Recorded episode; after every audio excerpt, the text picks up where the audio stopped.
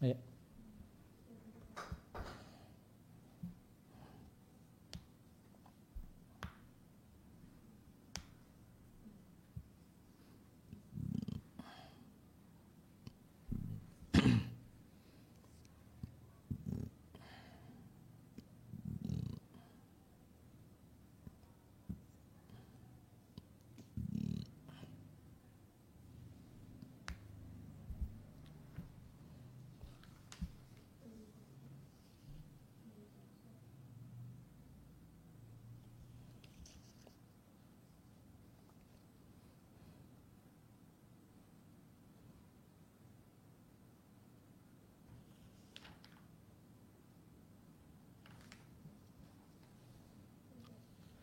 Alhamdulillah wassalatu wassalam ala rasulillah wa ala alihi wa sahbihi wa man tabi'ahum bi ihsanin ila yaumidin amma ba'id. Kaum muslimin dan muslimah rahimani wa rahimakumullah kembali kita lanjutkan bahasan tentang kriteria ya, istri salihah dari kitab sifat az-zawjah as-salihah karya Amr ibn Abdul Mun'im Salim hafizallahu taala wa wafaq wa wafaqahu wa afahu min kulli eh, baliyatin wa asqamin. Eh, kita masuk pada pembahasan baru disampaikan oleh penulis hafizallahu taala al mar'atu salihatu la tasummu tatawu'an wa zawjuha syahidun illa biiznihi wanita salihah itu tidak melakukan puasa sunnah ketika suaminya ya, hadirun, ketika suaminya syahidun ada di rumah, kecuali dengan seizin suami. Maka di antara sifat dan karakter wanita dan istri salihah adalah memperhatikan apa ya apa yang Allah wajibkan berkenaan dengan hak-hak suami. Wa minha dan di antara hak suami adalah hakul istimta'i biha. Hak suami untuk mencumbu istri. Ini. Hak suami untuk mencumbu istri dan mengumpuli dan menyetubuhi istri. Awil intifa'u awil intifa'i bi Demikian juga hak memanfaatkan waktu kosong istri untuk dicumbu ya, dan dikumpuli. Oleh karena itu maka tidak boleh bagi ya, seorang istri yang salihah berpuasa mengerjakan puasa sunnah ketika suaminya syahidun. Yang dimaksud dengan syahidun adalah mukimun ghairu musafirin suaminya dalam keadaan mukim tidak bepergian. Artinya di rumah atau di luar rumah karena namun di luar rumahnya itu uh, tidak tergolong bepergian. Boleh jadi ke kantor ke tempat kerja yang posisinya tidak tergolong safar. Nah ketika suami posisinya mukim ketika istri salihah mau berpuasa maka dia meminta izin pada suami terlebih dahulu. Dari sahabat Abu Hurairah radhiallahu anhu dari Nabi Shallallahu alaihi wasallam Nabi menyampaikan tiga kalimat berkenaan dengan istri. Yang pertama, la tasum al mar'atu wa ba'luha syahidun illa biiznihi. Seorang istri tidak boleh berpuasa ketika suaminya tidak bepergian kecuali dengan izin suami. Kemudian yang kedua, seorang istri yang baik tidaklah mengizinkan masuk ke dalam rumahnya seseorang wawa syahidun ketika ya, suami ada di rumah illa biiznihi kecuali dengan izin suami. Kemudian yang ketiga, tidaklah seorang istri menginfakkan min kasbihi dari jerih payah suami, dari penghasilan suami, dia infakkan min ghair amrihi tanpa ada mandat dari suami. Fa inna niswa ajrihi lahu maka setengah pahalanya bagi suami. Ya, di sini hadis yang dikeluarkan oleh Al Bukhari dan Muslim dan Abu Dawud dari jalur Abdul Razak dari Ma'mar ibn Hammam ibn Munabbih dari Abu Hurairah dan redaksinya adalah redaksi Muslim. Ya, dan di kesempatan siang uh, kali ini saya ingin mempertajam uh, bahasan tentang hadis ini dengan membacakan kandungan uh, hadis ini dari sejumlah referensi dan buku yang lain.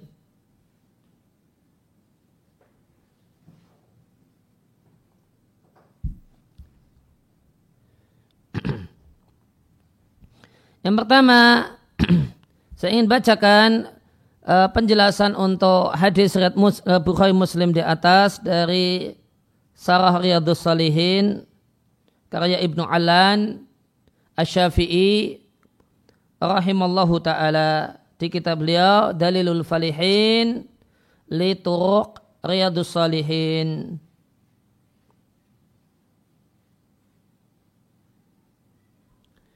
Eh, kalau dalam redaksi yang ada di uh, Riyadus Salihin dari sahabat Abu Hurairah radhiallahu anhu, Rasulullah sallallahu alaihi wasallam bersabda, "La yahillu limra'atin tidaklah boleh, tidaklah halal, artinya tidak boleh. Maka jelas menunjukkan haramnya. Tidak boleh bagi seorang istri antasuma berpuasa.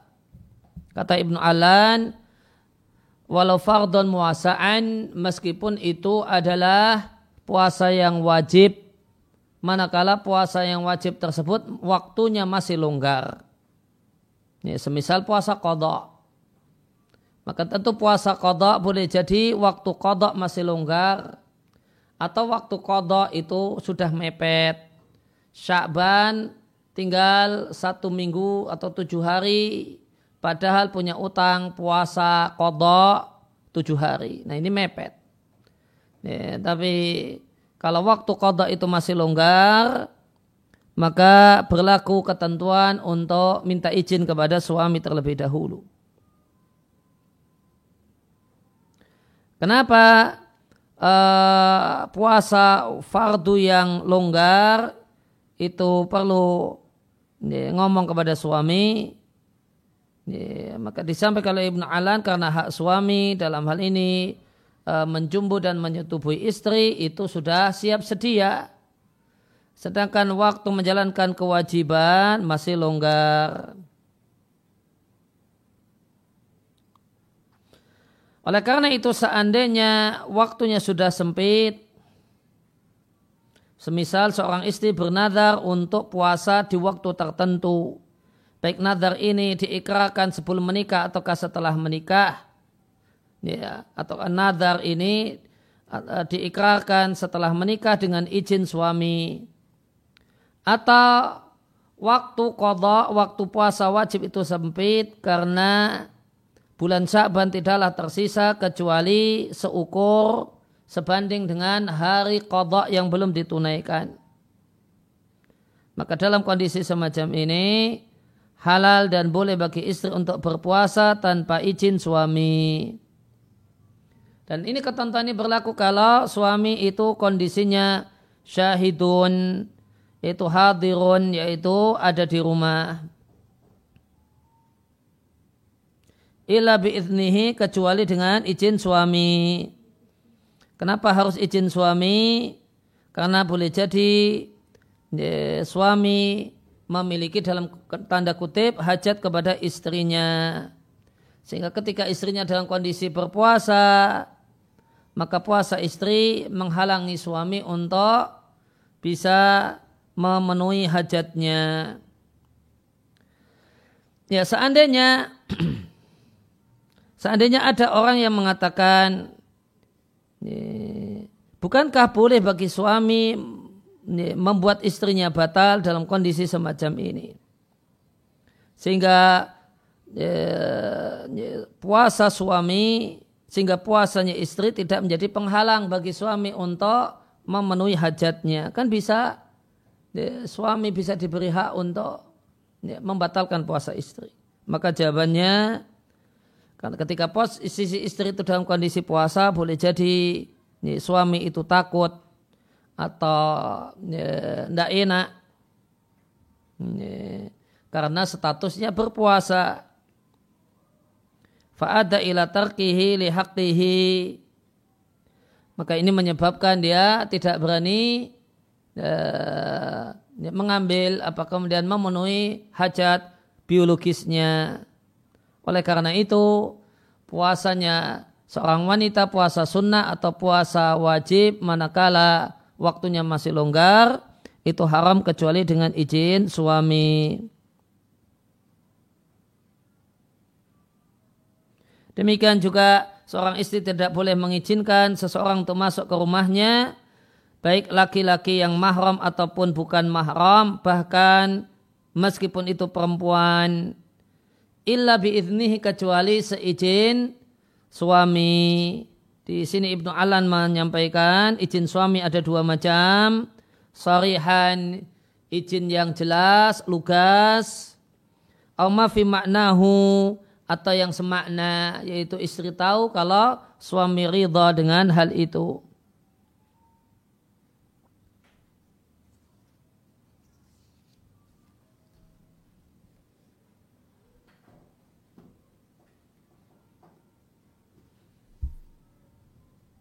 Ya, maka puasa sunnah seorang istri dalam uh, tanpa izin suami itu hukumnya haram. Ya, sebagaimana ditegaskan oleh para ulama Syafi'iyah ya, di antaranya di kitab Murni Muhtaj Sarah Minhaj ya, disampaikan haram ya, hukumnya seorang istri berpuasa puasa sunnah dalam keadaan suaminya ada di rumah kecuali dengan izin suami. Berdasarkan hadis yang diatkan oleh Bukhari dan Muslim. Ya, kenapa demikian? Di murni muhtad disampaikan karena hak suami menunaikan hak suami hukumnya wajib, maka yang wajib ini tidak boleh ditinggalkan karena melakukan hal yang sunnah. Kemudian seandainya seorang istri itu nekat berpuasa-puasa sunnah, padahal tidak diizinkan oleh suaminya maka dalam madhab syafi'i disampaikan saha wa ingkana haraman. Puasanya sah namun haram alias berdosa. Sehingga statusnya seperti sholat di rumah rampasan. Kemudian yang dimaksud dengan izin eh, izin suami dalam masalah berpuasa itu tidak harus tidak mesti harus izin yang uh, ya, yang gamblang dan terang-terangan di murni muhtad disampaikan wa ilmuha biridahu ka idnihi. Ketika istri itu tahu dan yakin kalau suaminya ridha jika si istri ini berpuasa maka statusnya seperti sudah mendapatkan izin dari suami.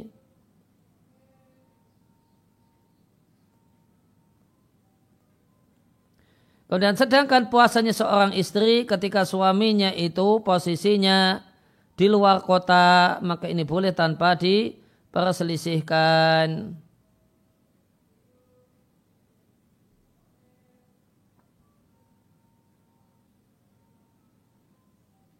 Dan larangan ini khusus dengan eh, larangan ini khusus untuk puasa sunnah.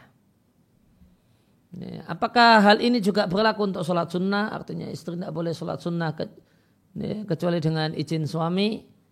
Maka di murni muhtadi jelaskan ya, sholat sunnah tidaklah disamakan dengan puasa sunnah dalam masalah ini.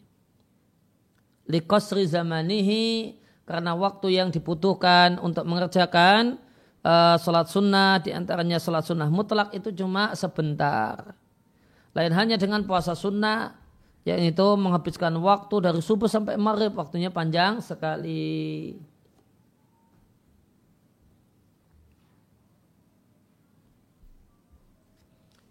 Ya, kemudian penjelasan tambahan untuk hadis ini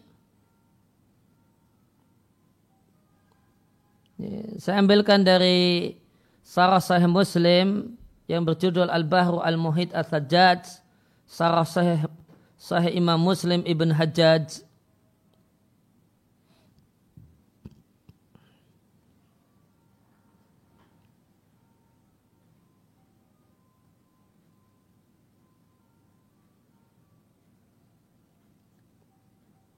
Ya, uh, di sini kalau redaksi Sahih Muslim tadi kita baca di, uh, sifat zaujah salihah la tasum al mar'atu.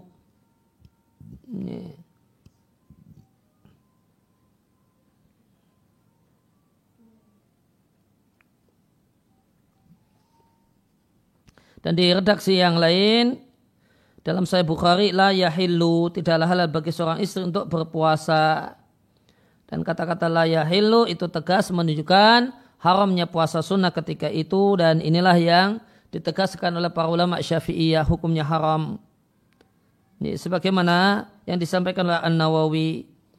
Nawawi juga mengatakan, sebagian syafi'iyah mengatakan uh, larangan puasa dalam ini hukumnya makruh, namun yang benar pendapat pertama yang mengatakan hukumnya haram. Yeah.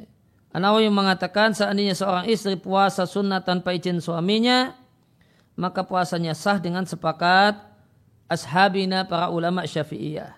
Meskipun puasanya hukumnya haram dan berdosa, karena kenapa dikatakan sah? Karena pengharamannya itu faktor di luar, faktor eksternal di luar kegiatan puasa itu sendiri.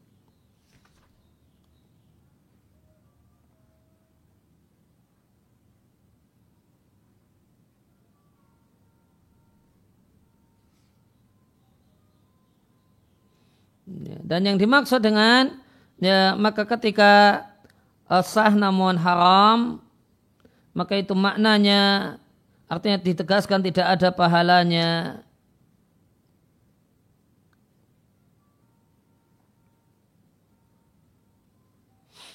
Nah, kemudian wabakluha syahidun ketika suami ada di rumah.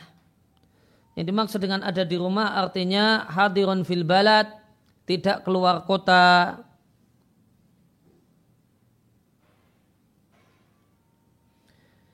Sehingga bisa dipahami seandainya seorang istri itu mengerjakan puasa sunnah ketika suaminya safar, ya, maka boleh. Dan demikianlah hukumnya boleh bagi istri untuk puasa sunnah ya, tanpa izin suami ketika suami posisinya safar di luar kota dan ini satu hal yang diperselisihkan oleh para ulama. Nah, apa yang dimaksud uh, suami itu ya, ya, mukim dan tidak di luar kota? Dan apa yang jadi tolak ukur di luar kota yang menyebabkan seorang istri boleh puasa sunnah tanpa ngomong ke suaminya?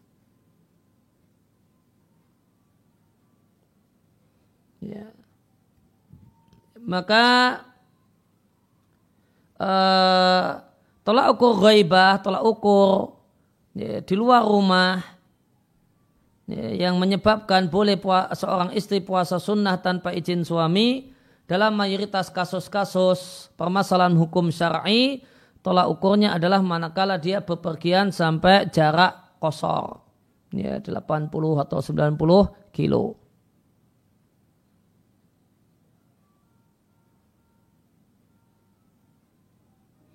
Uh, maka ini mungkin ini kemungkinan yang kedua ya, maksudnya adalah lebih dari sekedar uh, ya, jarak uh, berlari atau al-murad mutlaqul ghaibah anil balad.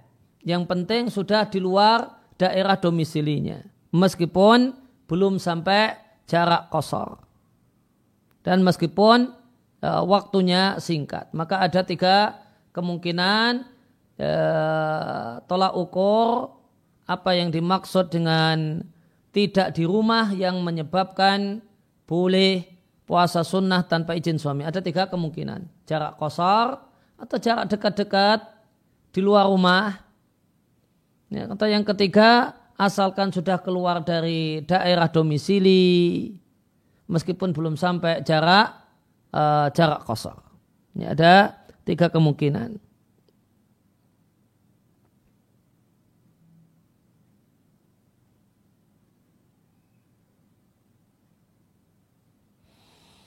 Dari tiga kemungkinan tersebut, di sini disampaikan kemungkinan yang paling mendekati dikarenakan uh, tidak ada keterangan detail dalam hadis adalah kemungkinan yang ketiga, yaitu mutlakul ghaibah anil balad.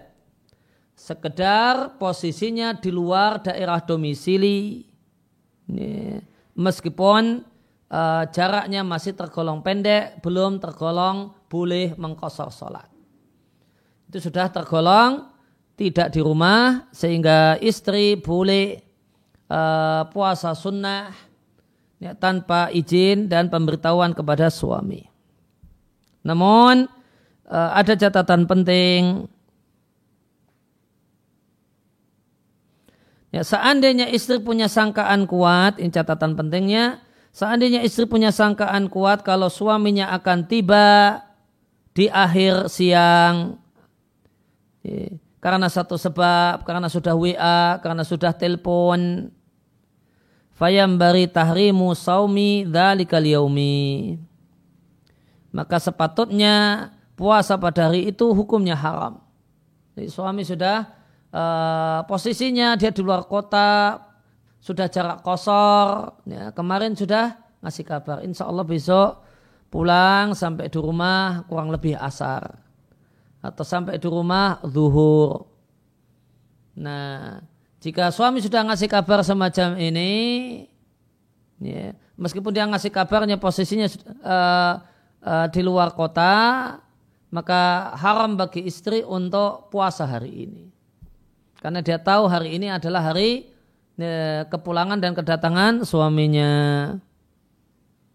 Dan perlu diketahui bahasanya di antara waktu hubungan suami istri yang dianjurkan oleh Nabi Shallallahu Alaihi Wasallam adalah manakala dan ketika suami pulang dari safar, ya, pulang dari safar atau pulang dari luar kota, ya, dianjurkan oleh Nabi Shallallahu Alaihi Wasallam agar suami ini mengumpuli istrinya.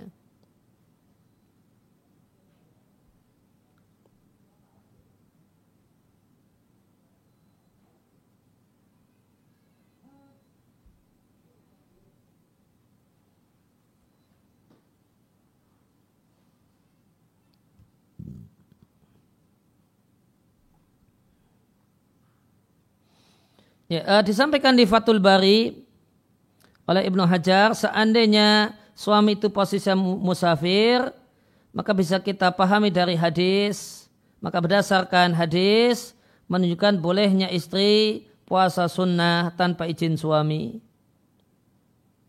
Namun seandainya ketika itu kebetulan posisi karena suami di luar kota, kemudian istri berpuasa, lantas suami tiba di tengah-tengah istri sedang puasa, falahu ibsadu saumiha dalika min ghairi karohatin.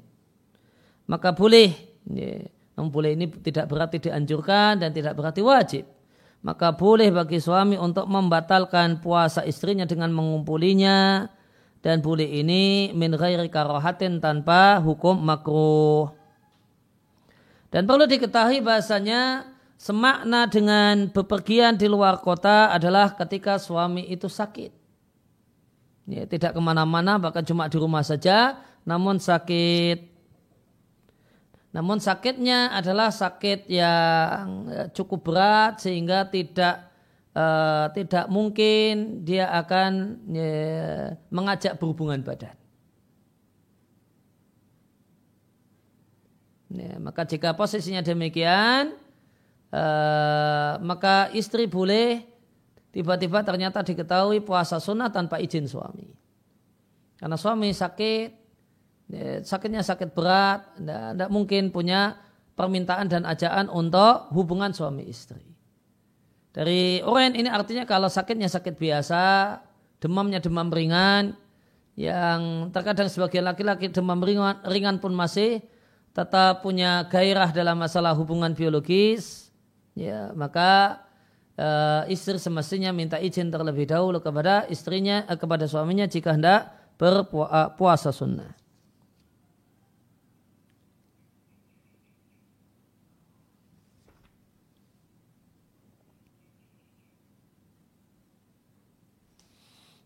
Maka tidak boleh puasa sunnah ila biizni kecuali dengan izin suami. Nah apa yang dimaksud dengan izin suami? Harus dan vulgar izin suami ataukah cukup indikator yang menunjukkan kalau suami uh, mengizinkannya bahkan suami menyukai istrinya rajin puasa sunnah. Maka kemungkinan yang mendekati dari yang bisa kita simpulkan dari makna hadis ini bahasanya adanya indikator kalau suami ridho itu sudah cukup. Dan berlangsungnya kebiasaan suami yang ini diketahui oleh istri sudah bisa menggantikan izin yang uh, terang-terangan. Jadi ringkasnya uh, yang dimaksud dengan izin suami adalah dua hal. Yang pertama adalah izin lugas dari suami, silahkan puasa sunnah kalau mau puasa Senin, mau mau puasa Sawal. Atau ya, ya, ya yang di, uh, termasuk dalam izin suami adalah ketika istri tahu kalau suaminya ridho. Karena istri sudah membaca dan sudah mengetahui kebiasaan suami. Bahkan suami senang membaca kebiasaan suami, tidak pernah minta hubungan badan siang hari. Ya, ngajak hubungan badan hanya malam hari. Nah, dia tahu kebiasaan suaminya demikian. Nih, dia bisa tangkap suaminya ridho karena suaminya suka dengan uh, manakala istri ya, rajin berpuasa.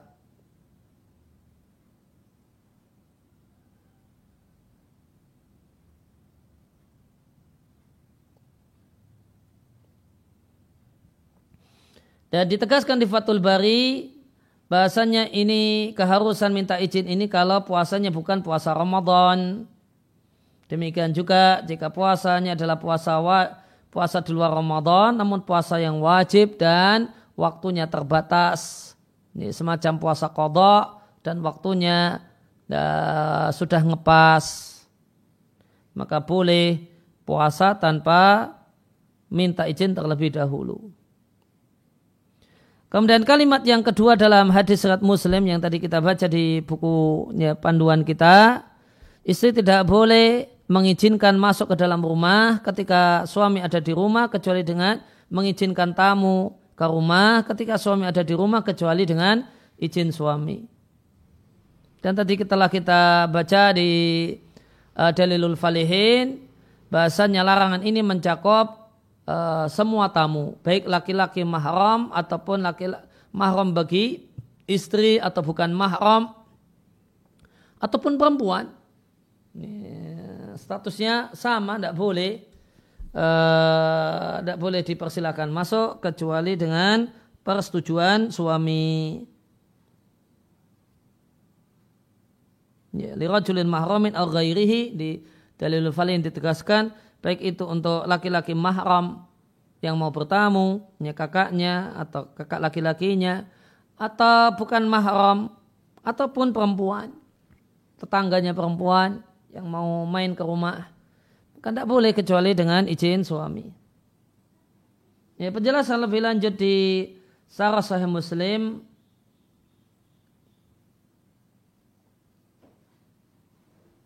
Maka istri tidak boleh mengizinkan. Maka eh, hadis ini menunjukkan tidak boleh bagi istri untuk mengizinkan masuk ke rumah baik laki-laki ataupun perempuan yang tidak disukai dan tidak disetujui oleh suami. Kenapa? Karena tanpa izin suami mempersilahkan masuk ke rumah itu menyebabkan suami berhak untuk berburuk sangka dan itu normalnya bikin suami cemburu. Yang ini tentu akan ada dampak yang tidak baik di belakang.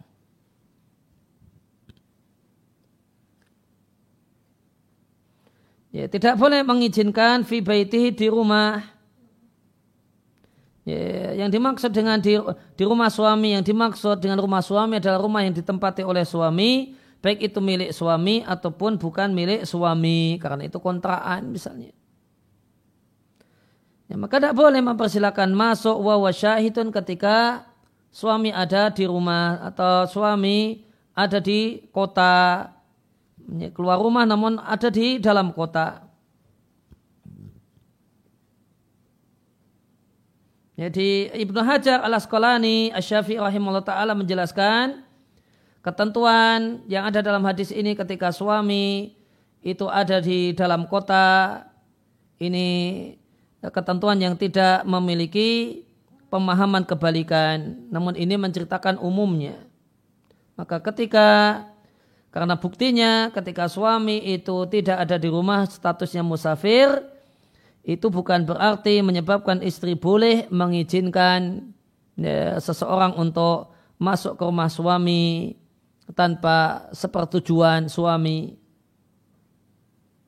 Bahkan ketika suami tidak ada di rumah, sedang bepergian keluar kota, maka larangan untuk memberikan izin tanpa serido suami itu lebih ditekankan lagi. Menimbang hadis-hadis yang isinya larangan bertamu, menemui, uh, bertemu dengan perempuan yang ditinggal pergi oleh suaminya.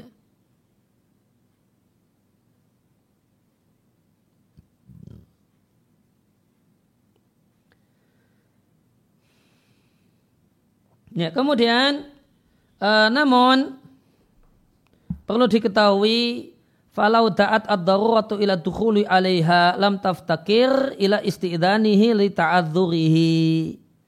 Jika terdapat kondisi darurat di mana seorang itu harus bertemu berjumpa dengan perempuan yang ditinggal pergi oleh suaminya ini, maka istri-istri tidak perlu meminta izin padanya. Ini ta'adzuri karena satu hal yang tidak memungkinkan untuk harus minta izin terlebih dahulu. Jadi kondisinya kondisi gawat. Ini, ya, si istri ini ada di dalam rumah, perlu uh, pertolongan untuk dibawa ke rumah sakit, suaminya tidak ada. Ini, maka istri boleh saja uh, mempersilahkan uh, orang yang mau menolong untuk masuk tanpa harus minta izin kepada suami terlebih dahulu karena kondisinya kondisi darurat.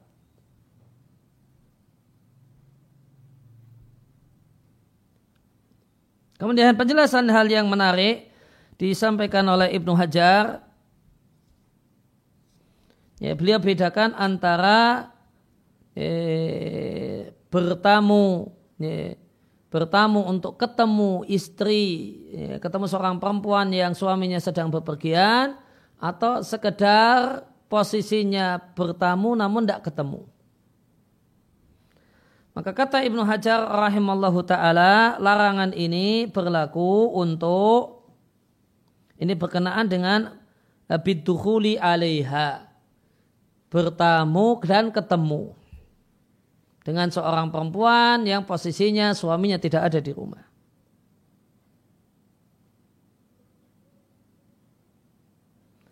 Adapun semata-mata istri itu, semata-mata tamu ini masuk ke lingkungan rumah itu. Misalnya si istri mengizinkan seseorang untuk masuk ke satu tempat yang itu bagian dari rumah, misalnya teras. Suami uh, sedang keluar rumah, datang tamu laki-laki. Kemudian istri menyampaikan, suami saya sedang keluar, silakan ditunggu di teras di luar rumah. Silakan duduk. Maka itu tidak apa-apa. Karena yang tidak boleh adalah ad-dukhul alaiha. Bertamu dan ketemu.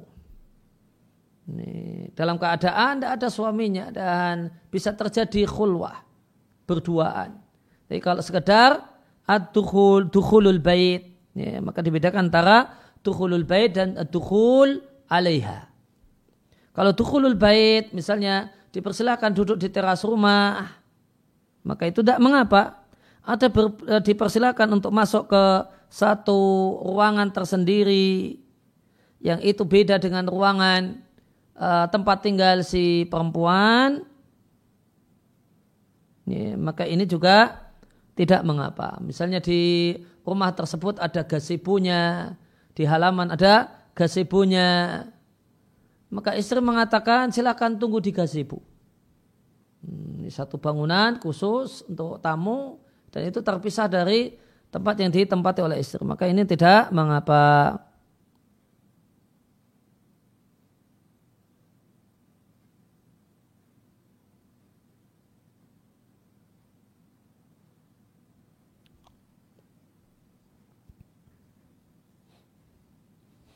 Ya demikian uh, yang kita bahas dan kita kaji kesempatan siang hari ini. Ini pembahasan uh, tentang masalah istri tidak puasa sunnah. Tidak boleh puasa sunnah ketika suami posisinya tidak safar kecuali dengan seizinnya dan penjelasan lebih detail tentang hadis yang berkenaan dengan hal ini. Demikian wasallallahu ala nabiyina Muhammadin wa ala alihi wasallam wa alhamdulillahi rabbil alamin. Baik Ustaz, ada sudah ada beberapa pertanyaan yang insya Allah akan kami bacakan. Uh, yang pertama Ustaz, Bismillah.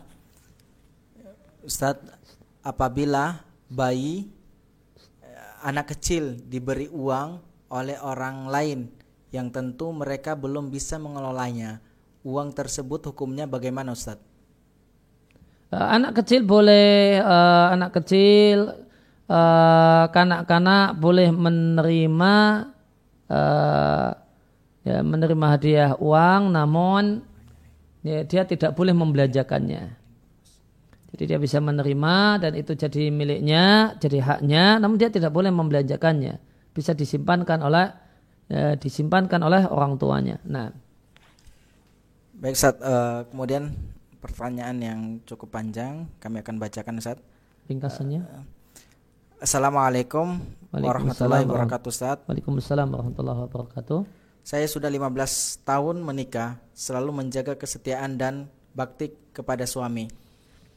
Tapi saya tahu selama beberapa bulan, hampir empat bulan, suami uh, punya simpanan, uh, bahkan dikoskan dan berzina di di hotel. Baik simpanan suami saya mengakui dan juga suami saya mengakui hal tersebut. Padahal suami saya bukan sekali saja menggauli uh, selingkuhannya. Tapi kali ini saya terlalu sudah sudah keterlaluan dan saya sudah tidak bisa bersabar. Apa yang harus saya lakukan dan anak-anak saya? Uh, se uh, seandainya terjadi perceraian, maka anak-anak tentu kewajiban suami. Ya, karena anak itu ya, tanggung jawab suami. Dia yang punya kewajiban untuk menafkahi, demikian juga tanggung jawab pendidikan. Ya, itu di tangannya.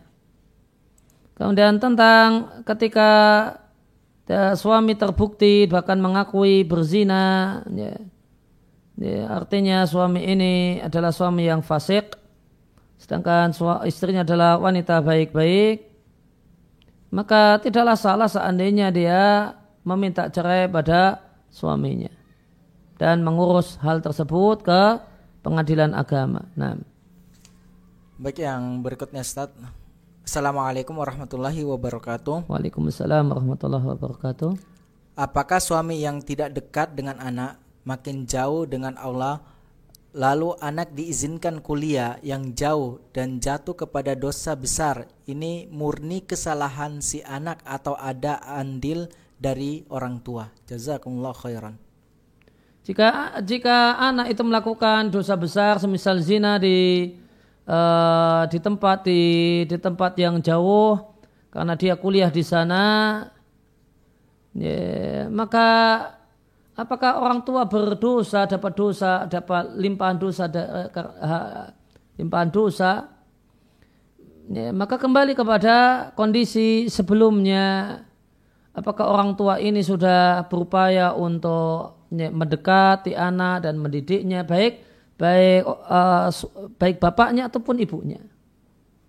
Ya. kalau orang tua sudah uh, maksimal melakukan usaha menanamkan nilai-nilai positif, kemudian ajaran agama kepada anaknya, kemudian anaknya memang dasarnya uh, lebih terpengaruh dan lebih memilih uh, teman-temannya daripada orang tuanya, ya, maka hidayah di tangan Allah Subhanahu wa taala sehingga orang tua ini tidaklah mendapatkan dosa karenanya. Namun jika orang tua ceroboh, ya belum maksimal dengan mendidik anak, ya, ibu misalnya sibuk dengan karirnya, bapak juga sibuk dengan proyek dan pekerjaannya, ya, udah dikira bahasanya ya, tanggung jawab terhadap anak cukup dengan memenuhi kebutuhan makan minumnya dan sekolahnya setelah itu masa bodoh dengan yang lainnya maka ketika anak melakukan dosa besar semacam zina dengan pacarnya atau yang lain, maka orang tua mendapatkan ya, saham dosanya. Nah. Baik Ustaz, uh, pertanyaan berikutnya Ustaz. Assalamualaikum warahmatullahi wabarakatuh. Waalaikumsalam warahmatullahi wabarakatuh. Istri puasa kodok. Suami pulang dari luar kota berkeinginan, berkeinginan dan menyuruh istri membatalkan puasa kodoknya. Apakah dosa membatalkan puasa kodok tersebut? Jazakumullah khairan.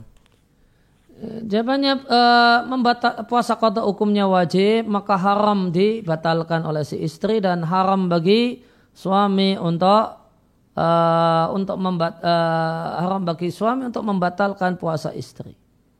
Ya. Kecuali jika memang kebutuhannya kebutuhan mendesak sekali dan uh, waktu kodok masih longgar.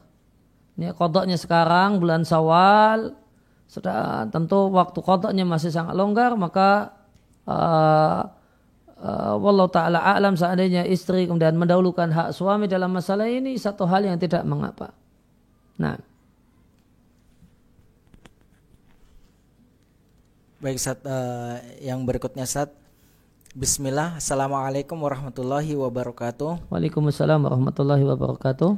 Ustaz mau bertanya, Afwan, dalam memilih calon suami, bolehkah kita menolak karena dia masih mengupload-upload foto selfie dalam sosial media?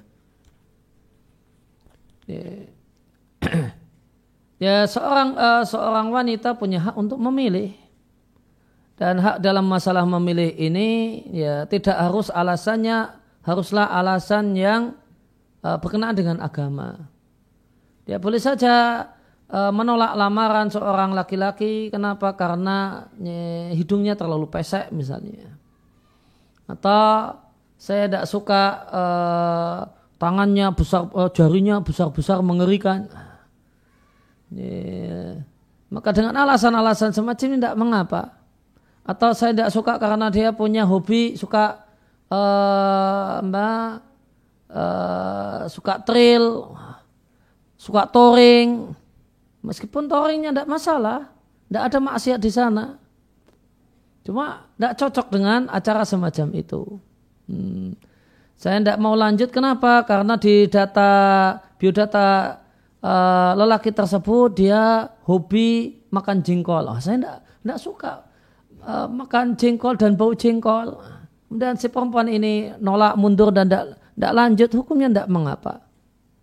Jadi uh, ketika alasannya karena ya, mbak dia alasan sebenarnya dia karena laki-laki ini suka hobi selfie, selfie ke mana-mana uh, selfie dan atau dinilai tebar persona. Nah, dia tidak mau uh, dan dikenalkan lebih lanjut dengannya. Satu hal yang tidak mengapa boleh-boleh saja meskipun adab dalam ya, patut untuk memperhatikan adab dalam uh, berkata-kata. Kalau kemudian disampaikan demikian boleh jadi ada yang sakit hati, maka katakan ya saya tidak serak, ya, saya nggak lanjut mundur, saya tidak lanjut karena ada sesuatu yang mengganjal dan saya tidak serak dan tidak nyaman. Ini katakan demikian supaya tidak ada pihak yang tersakiti. Nah. Baik yang berikutnya Ustaz. Assalamualaikum warahmatullahi wabarakatuh. Waalaikumsalam warahmatullahi wabarakatuh.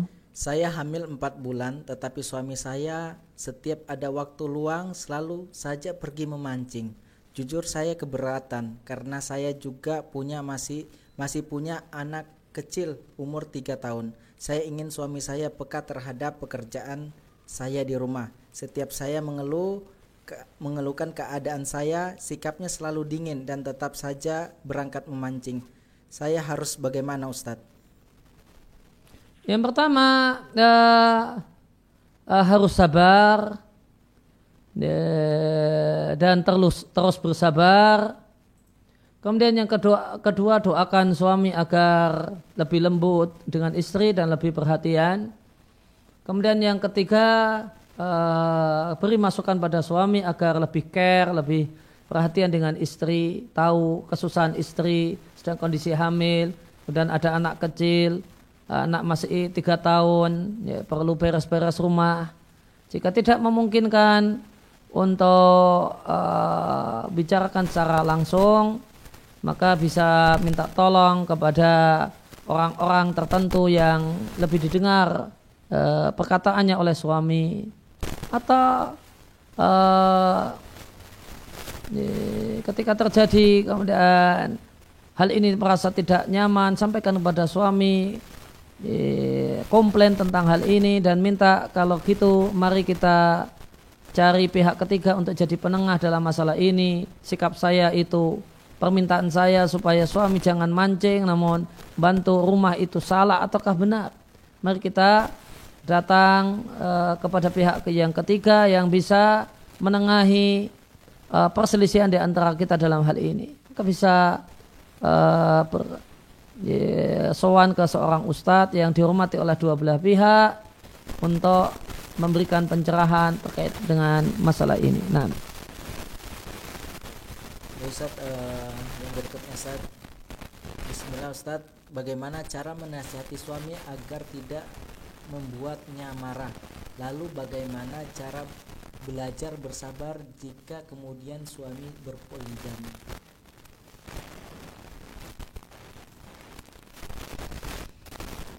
Ya, uh, cara kemudian agar memberikan nasihat kepada suami dan tidak membuat suami marah. Ya, tentu uh, setelah lama berumah tangga uh, ada ada karakter-karakter suami yang bisa dipelajari, yang tentu bisa dipelajari oleh istri.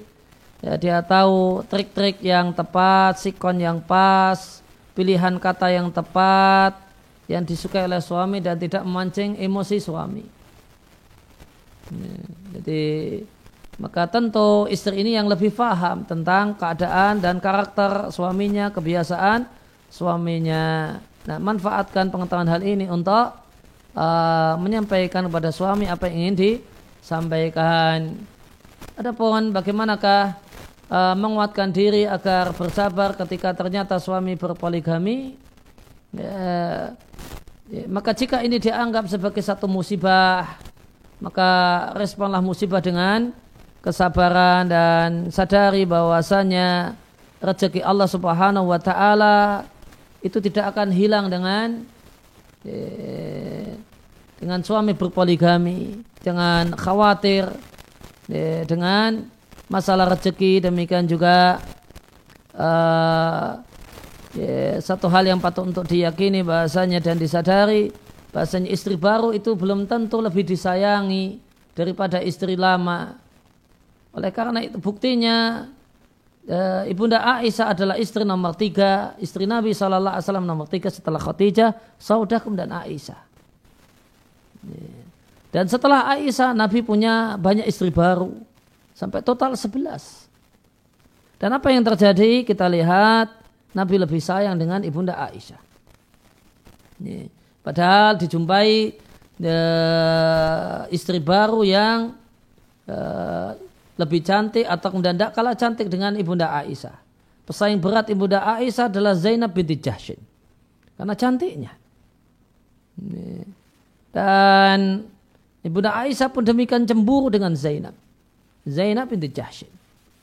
Karena ibunda Aisyah tahu uh, kecantikan ibunda uh, ibunda Zainab binti Jahshin. Namun eh, kesimpulan akhirnya sebagaimana kita ketahui bersama Nabi lebih cinta kepada ibunda Aisyah daripada istri-istri baru setelah ibunda Aisyah radhiallahu taala anha wa radhiallahu taala anhunna ya, anhunna. Maka satu hal yang patut untuk dipahami oleh para istri ketika mendapatkan kondisi suaminya berpoligami bahasanya eh, cinta dan sayang seorang laki-laki itu tidak mesti kepada uh, pada istri yang baru. Ya, boleh jadi dia uh, dia bisa cinta lebih besar cintanya kepada istri yang lama karena dia punya kelebihan-kelebihan yang tidak dimiliki oleh istri yang baru. Oleh karena itu, jadikan hal ini sebagai uh, motivasi untuk lebih beramal soleh dengan berbakti kepada berbakti dan melayani suami. Nah, ya demikian yang kita kaji kesempatan siang hari ini. Wassalamualaikum warahmatullahi wabarakatuh. Wa ala alihi wa sahbihi wa salam. Wa akhiru da'wana alhamdulillahi rabbil alamin.